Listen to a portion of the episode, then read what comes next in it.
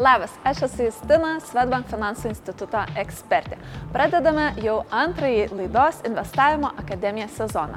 Šį kartą jūsų laukia dar daugiau praktinių patarimų, ekspertų išvalgų ir finansinių naujienų. Pirmąją laidą pakalbėsime daugiau apie investavimo pradžią. Kodėl žmonėms sunku žengti tą pirmąjį žingsnį, atsakysime į žiūrovų užduotus klausimus, na, o aš leisiuosi į investavimo eksperimentą ir draugės su jumis atsidarysiu vertybinių popierių sąskaitą, nuo kurios ir prasidės mano investavimo kelionė. Tuomet reikalinga ir mano pinigų sąskaita, ar ne, susijęta su vertybinių popierių sąskaita pinigai. Tai aš rekomenduočiau netgi atsidaryti dar vieną tiesiog paprastą einamąją sąskaitą, kurią susijęt su vertybinių popierių sąskaita, kad būtų būtent ta sąskaita, iš kurios yra perkamos finansinės priemonės. Bet prieš tai svarbiausių ekonominių ir finansinių naujienų apžvalga, kurią paruošė finansų ekspertas Tautvidas Maršulaitis, o pristatys Ignas Krupavičius. Kviečiu žiūrėti.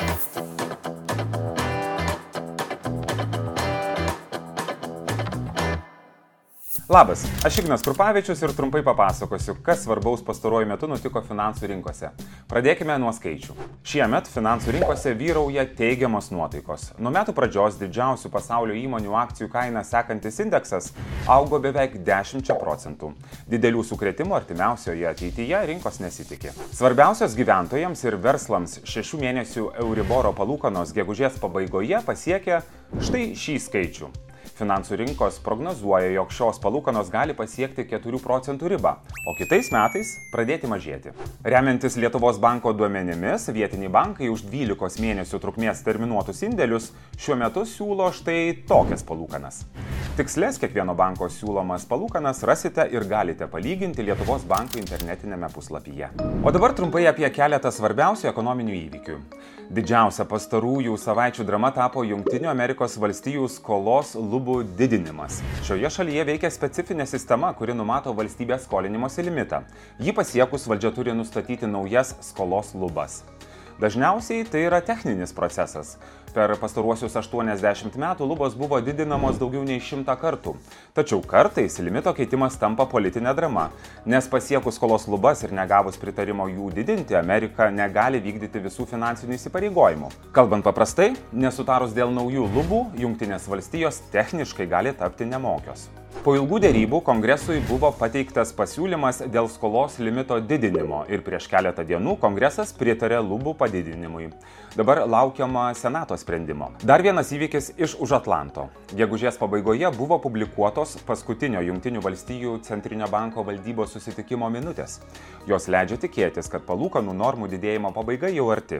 Palūkanos greičiausiai nustos aukti šį rudenį. Tuo metu iš Europos Centrinio banko rinka tikisi dar vieno ar dviejų bazinių palūkanų normų pakelimų, tad ir namie jau esame netoli palūkanų piko. Galbūt paskolų turėtojai galės pagaliau šiek tiek atsikvėpti. Toliau mažėja energetikos išteklių ir žaliavų kainos. VTI rūšės nafta pasiekė 70 jungtinių valstijų dolerių už barelį, o dujos Europoje atpigo iki 2021 rudens lygio. Elektros kainos Nord Pool biržoje vis dažniau lenda į neigiamą teritoriją.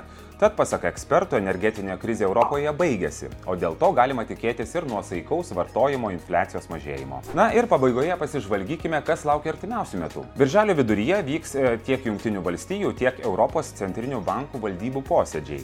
Dėmesio centre, žinoma, bazinės palūkanų normos. Amerikos sprendimas bus birželio 14, o Europos diena vėliau. Tikimasi, kad abu centriniai bankai bazinės palūkanas padidins 25 procentiniais punktais. Pasibaigus skolos limito dramai Junktinėse valstijose, rinkų dėmesys atsisuks į makroekonominius rodiklius. Turbūt vėl girdėsime daug diskusijų apie recesiją, jos galima įteka tiek ekonomikai, tiek finansų rinkoms. Be to prasideda atostogų sezonas, kuris lemia sumažėjusi likvidumą. Todėl gali atsirasti aštresnių finansinių aktyvų kainų pokyčių. Naujausios finansų rinkų žinios jūsų lauks jau kitoje laidoje, o dabar sugrįžkime pas Justiną. Iki. Ačiū Ignai, na, o dabar keliaujame į kitą laidos dalį, kurioje Milvas fondų valdytojas Tautvidas Marčiulaitis ir Svetbank ekspertas Marius Ignotas atsakys į žiūrovų klausimus. Juos jūs uždavėte Svetbank Lietuvoje Instagram paskyroje ir Facebook grupėje Pinigai reikalai. Ačiū, kad skiriate tam laiko ir prisidėjote prie turinio kūrimo.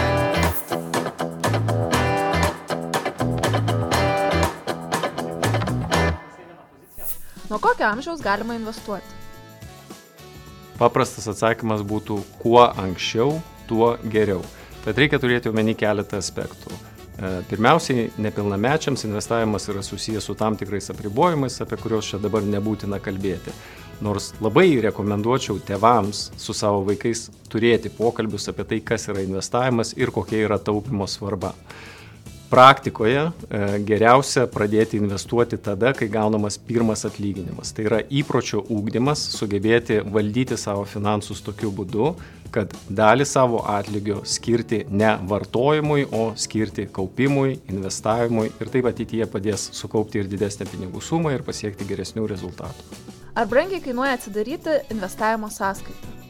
E, labai priklauso nuo pasirinkto finansų tarpininko. Yra finansų tarpininkai, kurie atidaro sąskaitas nemokamai, yra finansų tarpininkai, kurie tokias paslaugos gali sudėti su kitomis paslaugomis, kaip pavyzdžiui prekyba akcijomis ar kitais vertybiniais popieriais.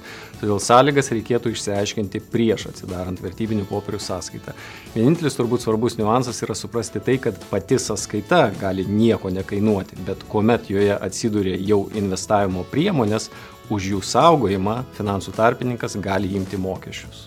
Nieko nesuprantu apie indėlius. Ką svarbu žinoti? Indėliai yra tiesiog e, taupomasis, kaupiamasis dalykas, kur tu įdedi pinigus ir tada gauni palūkanas. A, turbūt reiktų atskirti indėlius, kuriuos tu užrakini savo pinigus, tai yra negali atsimti tam tikrą laikotarpį ir tuos, kur gali pasimti bet kada. Bet šiaip tai yra labai paprasta priemonė, kur tu skolini pinigų bankui ir už tai gauni tam tikrą gražą. Kaip žinoti, į kur investuoti? Į kur investuoti atsakysite savo po dešimties metų investavimo. Tad pradėkite ten, kur įdomu, kur jūs kažką žinote, kur yra jūsų kažkokia bent minimali ekspertizės sritis, nupirkite dalykų, akcijų, pavyzdžiui, kurios jums patinka, tai yra naudojatės X įmonės produkciją, nusipirkite tų akcijų. Ir nebūtina tam skirti didelės sumas, bet supraskite, kad tam tikras laikas turi būti praleistas mokantis. Ir su patirtimi jūs patys tiesiog sugebėsite atsakyti į šį klausimą, kuo daugiau dažniau investuosite ir kuo daugiau produktų pasirinksite, su laiku tiesiog suprasite, kurie jums tinka ir kurie netinka. Kaip pradėti investuoti nedidelėmis sumomis ir gerų uždarbių?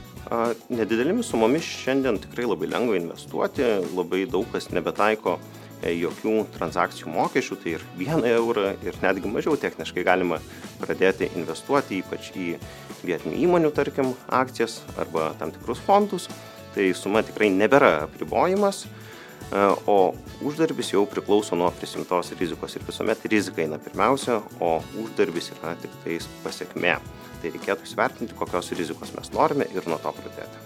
Kaip galima įsigyti įmonių obligacijų? Kaip ir bet kokia e, finansinė priemonė, jeigu jinai yra kažkur listinguota, jeigu ji prekiaujasi tam tikroje biržoje, ją galima įsigyti per licenzijuotą tarpininką. Tai E, verta prieš pradedant bendrauti su kažkokiu tarpininku finansiniu, per kurį norite pirkti, parduoti vertybinius popierius, paklausti, e, ar jis suteikia tokią galimybę ir surasti tarpininką, svarbu licencijuotą, e, kuris galėtų pasiūlyti jums įsigyti vienokių ir kitokių įmonių obligacijų. Kur galėčiau investuoti po 50 eurų, kad auktų nemaži procentai, bet staiga prireikus galėčiau atsimti sukauptą sumą? Aš pradėčiau atsakinėti šitą klausimą nuo antro galo. Vėlgi, negalvokime apie gražą, pradėkime galvoti apie riziką. Todėl, kad pinigų suma, kurią jūs sukaupsite iš investicijų, tiesiogiai susijusi su tuo, kiek jūs galite leisti rizikuoti savo pinigais. Ar tai būtų 50 eurų, ar tai būtų 100 eurų, ar 1000 eurų, jokio skirtumo. Pirmasis klausimas yra, kiek jūs galite toleruoti savo riziką. Jeigu šitas klausimas yra apie tai, kokiu periodiškumu reikia investuoti, arba tiksliau pasakius, į kur nukreipti periodinės investicijas, tai sakyčiau vėlgi susijęs su investavimo strategija, kurios nustatymas prasideda nuo rizikos pamatavimo. Ir dažniausiai tokiems, tokioms investicijoms tinkamiausia priemonė yra kokie nors investiciniai fondai. Jeigu kiekvieną mėnesį nuo atlyginimo galiu atsidėti apie 300 eurų, ką su jais daryti? Ar kaupti, kol suma padidės ir investuoti, ar iškart po algos jos investuoti? Warrenas Buffettas, man atrodo, yra pasakęs, kad sudėtinės palūkanos yra aštuntasis pasaulio stebuklas ar kažkaip panašiai. Laukti nieko nereikia. Vėlgi, nepradedant nuo pinigų sumos, bet reikia suvokti tokį dalyką, kad įdarbinti pinigai iš karto pradeda generuoti palūkanas, pajamas arba pradeda aukti jų vertė, investicijų vertė.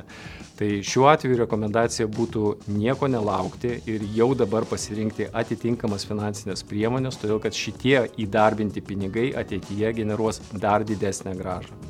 Už mėnesio tapsiu tėčiu. Noriu pradėti investuoti, kad, pavyzdžiui, vaikui suėjus 25 jis galėtų nusipirkti nuo savo būstą. Galvoju skirti po 100 eurų per mėnesį. Pirmiausia, reikėtų realistiškai stelėti lūkesčius ir suprasti, kiek jūsų investicija per tuos 18 metų, sakykime, užauks. Nes investuojant po 100 eurų per mėnesį 18 metų su 8 procentų graža, būstui Vilniuje nepavyks turbūt sutaupyti. Turbūt pavyks pradiniam įnašui, bet pačiam visam būstui ne. Tad pirmiausia, reikėtų sustelioti galutinį tikslą, tai yra kiek mes norim per tą laikotarpį sukaupti ir tada paskaičiuoti, kiek turėtume investuoti per mėnesį su kokia nors realistiška 7-8 procentų graža, kad pasiektumėm tą tikslą. Jeigu to tikslo pasiekti negalime, nieko baisaus, galime sukaupti ir mažiau ir tai vis tiek bus gera paspirtis vaikui gyvenimo pradžioje. Taupau, turiu saugaus vaiko fondą, periodiškai investuoju į fondus. O kur toliau? Kelionės, hobiai, gyvenimas, draugai ir visa kita. Bet šiaip reikėtų pirmą apskaičiuoti, ko mes siekiam su tomis investicijomis ir pasidaryti tą galutinį tikslą, per kiek laiko norim pasiekti kažkokio konkretaus finansinio tikslo ir nuo to atsispiriant suprasti, ar investuojam pakankamai ar ne. Jeigu atsakymas yra, kad investuojam pakankamai savo tikslams pasiekti, tuomet viskas gerai, tuomet galima investuoti tiesiog dėl ramybės papildomo saugumo, bet tai jau nebėra būtina ir galim tiesiog e, leisti pinigus ir džiaugtis gyvenimu.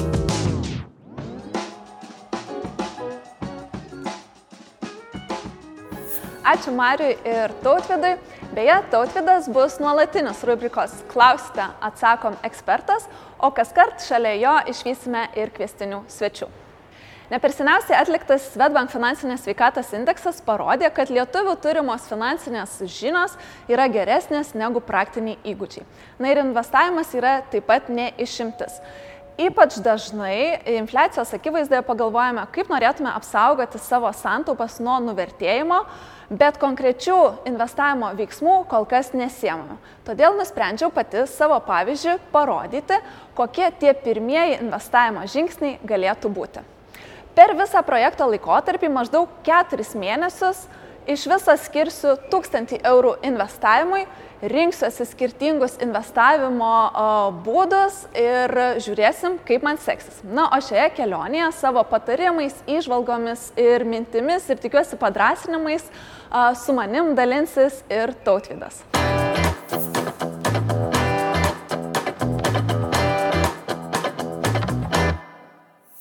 Labas tautvidai. Labas. Ačiū, kad prisijungiai prie šio investavimo eksperimento, padėsi man ir žiūrovams susigaudyti investicinėme kelyje ir visuose pasirinkimuose, bet pradžiai šiek tiek labai trumpai pakalbėkime apie tave. Kada pats susidomėjai investavimu? Šiaip labai senai stomėjau, galbūt 14-15 metų būdamas, nes mokykloje turėjom tokį žaidimą, kur virtualiais pinigais investavom ir mane labai sudomino, tada nuėjau pas tėvus, sakiau, kad noriu ir aš tai daryti realiai ir e, tėtis tiesiog išrašė savo vertybinių popierių sąskaitoje tokią eilutę, kur davė man šiek tiek pinigų ir aš maždaug tuo metu ir jau atlikau savo tuos pirmus sandorius ir nuo to viskas ir prasidėjo ir tęsiasi iki dabar. Tai pats pirmas tas žingsnis, kogi reikia pradėti investuojant, apart pinigų? Pirmiausia, ryštą. Aišku, reikia, reikia pasiruošti, nusikaupti ir nuspręsti, kad jau atėjo laikas ir daugeliu jau atėjo laikas tikrai. Tai tuomet pasirenkam tarpininką, svarbu labai patikimas tarpininkas, per kurį mes investuosim, nes tiek mes patys negalim tiesiog ateiti į biržą ir ateiti į įmonę ir sakyti, labą dieną, aš noriu jūsų akcijų. Kaip rodo per filmus telefonus, nes skambindavo Wall Street ir pirkdavo akcijas. Dar vis galima techniškai tai padaryti, bet dabar jau ne, neįprasta. Tai mes tiesiog surandam tarpininką, su kuriuo mes pasitikim, kuris yra licencijuotas, patikimas, žinomas ir tiesiog tada einam pas jį ir sakom, labą dieną, noriu investuoti. Tai galima tiek daryti fiziškai, bet dabar dažniau galima internetu tiesiog, nes pirmas žingsnis, ką turim padaryti, tai atsidaryti vertybinių popierių sąskaitą. Mhm. O be vertybinių popierių sąskaitos įmanoma investuoti ar vis dėlto ne? Teoriškai, tai praktiškai tai būtų labai labai labai sudėtinga ir nerealistiška tikrai vidutiniam investuotojui. E, Tvarko, tai gal ir pabandykime a, atsidaryti a, tą sąskaitą, ar ne? Aš esu prisijungusi dabar prie savo Svetbank interneto banko, esu taupimas ir investavimas skiltyje, ar ne? Ir matau tikrai aiškiai labai mygtukas kviečiantis atidaryti sąskaitą. Sąskaitos atidarimas, patikslinkim, yra nemokamas, Taip, ne? tikrai sąskaita turi būti nemokama atidaryta, po to jau, kai ten pradedi prekiauti, kažką dirbti, gali būti tam tikrų mokesčių, vėlgi labai priklauso, bet pats sąskaitos atsidarimas jis yra nemokamas. Yra nemokamas. Gerai, tai ir pabandykime tą padaryti. A, štai ir pirmas klausimas. Šeiminė padėtis. A, nevedęs, a, neištekėjus, vedęs ištekėjus. Kodėl tai yra svarbu man, kaip pradedančiai investuotojai, kad gautų šitus duomenis? Nes kai norėsi kažką parduoti, tuomet turi bankas žinoti, reikia kreiptis į tavo sutoktinį, ar tu tikrai turi visus jo leidimus ar jos leidimus parduoti turtą, nes tai yra jūsų bendroji nuosavybė ir tu negali disponuoti tiesiog laisvai bendrają nuosavybę. Tai būtent dėl to bankas tęs ir klausia, ar vedusi, tekėjusi ir tai yra esmė. Tvarkoj, tuomet reikalinga ir mano pinigų sąskaita, ar ne, susijęta su Taip. vertybinių popierių sąskaita. Čia turbūt iš tos sąskaitos bus tiesiog daromi, nurašomi Taip. pinigai. Tai aš rekomenduočiau netgi atsidaryti dar vieną tiesiog paprastą einamąją sąskaitą, kurią susijęt su vertybiniu popieriu sąskaita, kad būtų būtent ta sąskaita, iš kurios yra perkamos finansinės priemonės, tai būtų labai aišku, kiek ko pirkai, kada kiek pardai, nes ta, į tą sąskaitą nevaikščios ten atlyginimas, kažkoks kortelinės išlaidos, ar dar kažkas, tai bus būtent vertybiniam popieriam. Taip, ir tai ne? labai palengvins, kai reikės metų galę deklaruoti viską, labai palengvins gyvenimą, nes tu tiesiog pasims išrašą, kur bus tiesiogiai su vertybiniais popieriais šie dalykai. Mhm, tvarkoj ir sąskaitos pavadinimas. Gerai, tai čia galim susigalvoti bet kokį, ar ne? Taip, jau, Pavadinimą taip. pavadinkim investavimo eksperimentas, nes tai ir vyksta dabar. Taip. Taip, a, sutarties sąlygos, be abejo, svarbu visą sutartį ar ne, a, perskaityti, susipažinti su visais punktais, bet gal išskirtum kažkas yra, į ką itin reikėtų atkreipti dėmesį tiek man, tiek žiūrovams, kas yra svarbu ir negalim praleisti. Visos starties negalim praleisti. Tiesiog reikia tikrai, tai nėra, taip, tai nėra pats įdomiausias turbūt skaitinys gyvenime, bet jį perskaičius nekils vėliau klausimų.